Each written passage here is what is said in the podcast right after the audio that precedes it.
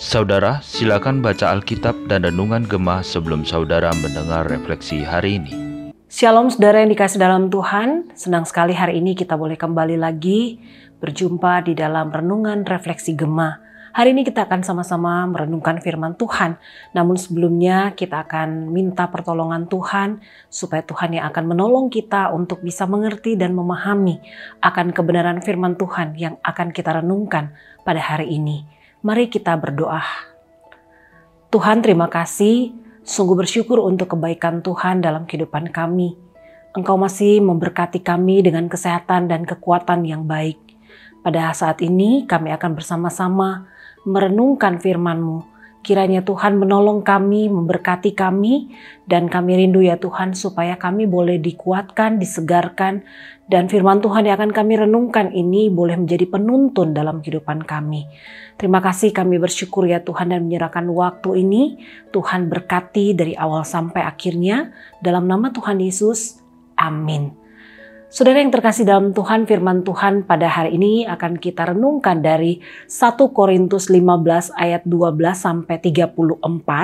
Tapi kita tidak akan membaca keseluruhan daripada bagian firman Tuhan ini. Kita hanya akan membaca ayat 12 sampai ayat yang ke-14. Demikian firman Tuhan.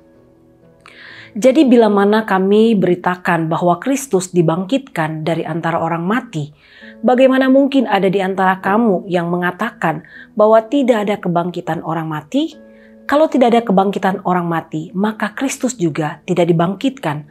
Tetapi andai kata Kristus tidak dibangkitkan, maka sia-sialah pemberitaan kami dan sia-sia jugalah kepercayaan kamu. Dalam kekristenan, kebangkitan adalah sangat penting. Fakta bahwa Yesus bangkit pada hari yang ketiga mempunyai arti yang sangat penting, karena kebangkitannya membuktikan keilahiannya. Namun, persoalan yang terjadi dalam jemaat Korintus adalah mereka percaya bahwa Kristus dibangkitkan dari orang mati, tetapi sulit untuk mempercayai adanya kebangkitan orang mati.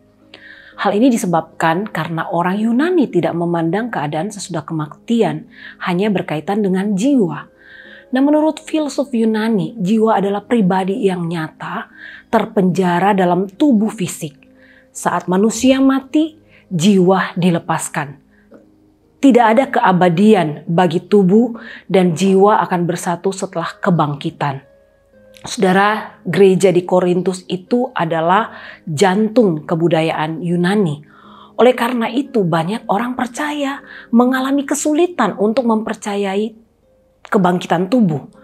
Nah, Rasul Paulus menulis bagian ini untuk menjernihkan kebingungan mereka tentang kebangkitan. Kebangkitan Kristus itu adalah pusat iman Kristen, karena Kristus bangkit dari kematian seperti yang Dia nubuatkan kita tahu bahwa apa yang dia katakan adalah benar, yaitu bahwa dia adalah Tuhan. Karena dia telah bangkit, kita mempunyai kepastian bahwa dosa kita telah diampuni. Karena dia bangkit, dia hidup dan mewakili kita di hadapan Tuhan. Karena dia telah bangkit, kita mempunyai kepastian bahwa dosa kita telah diampuni. Karena dia bangkit, dia hidup, dan mewakili kita di hadapan Tuhan. Karena dia telah bangkit dan mengalahkan maut. Kita tahu bahwa kita juga akan dibangkitkan. Nah saudara-saudara yang dikasih dalam Tuhan itu sebabnya Paulus memberikan penegasan kepada mereka bahwa jika Kristus tidak dibangkitkan maka sia-sialah pemberitaan para rasul dan iman. Jika Kristus tidak dibangkitkan maka kita tetap tinggal dalam dosa kamu masih hidup di dalam dosamu. Dosa yang membuat manusia terpisah dari Allah yang membuat manusia mati dan binasa. Saudaraku, fakta kebangkitan Kristuslah yang membuat setiap orang percaya dibebaskan dari belenggu dosa dan kebinasaan.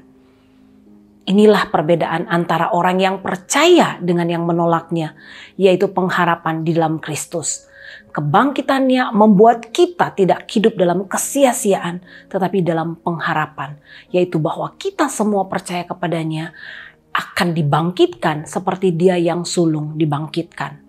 Oleh karena itu, saudara, kita sebagai orang-orang percaya yang telah memiliki kepastian akan kebangkitan Kristus, kita juga dituntut untuk hidup di dalam kebenaran. Dan kebenaran inilah yang menuntun kita hidup dalam keteguhan iman yang akan menghasilkan kekudusan dan ketaatan total kita kepada Allah.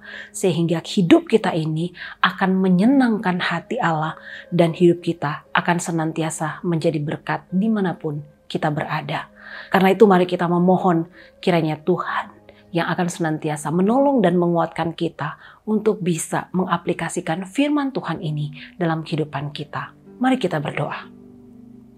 Tuhan terima kasih bersyukur untuk anugerah Tuhan yang boleh Engkau nyatakan dalam kehidupan kami.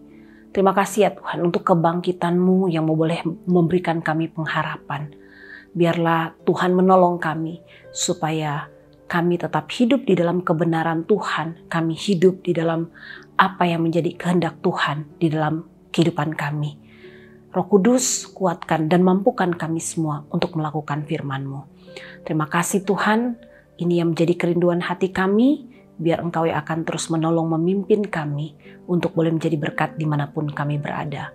Terpujilah namamu, dalam nama Yesus kami berdoa. Amin.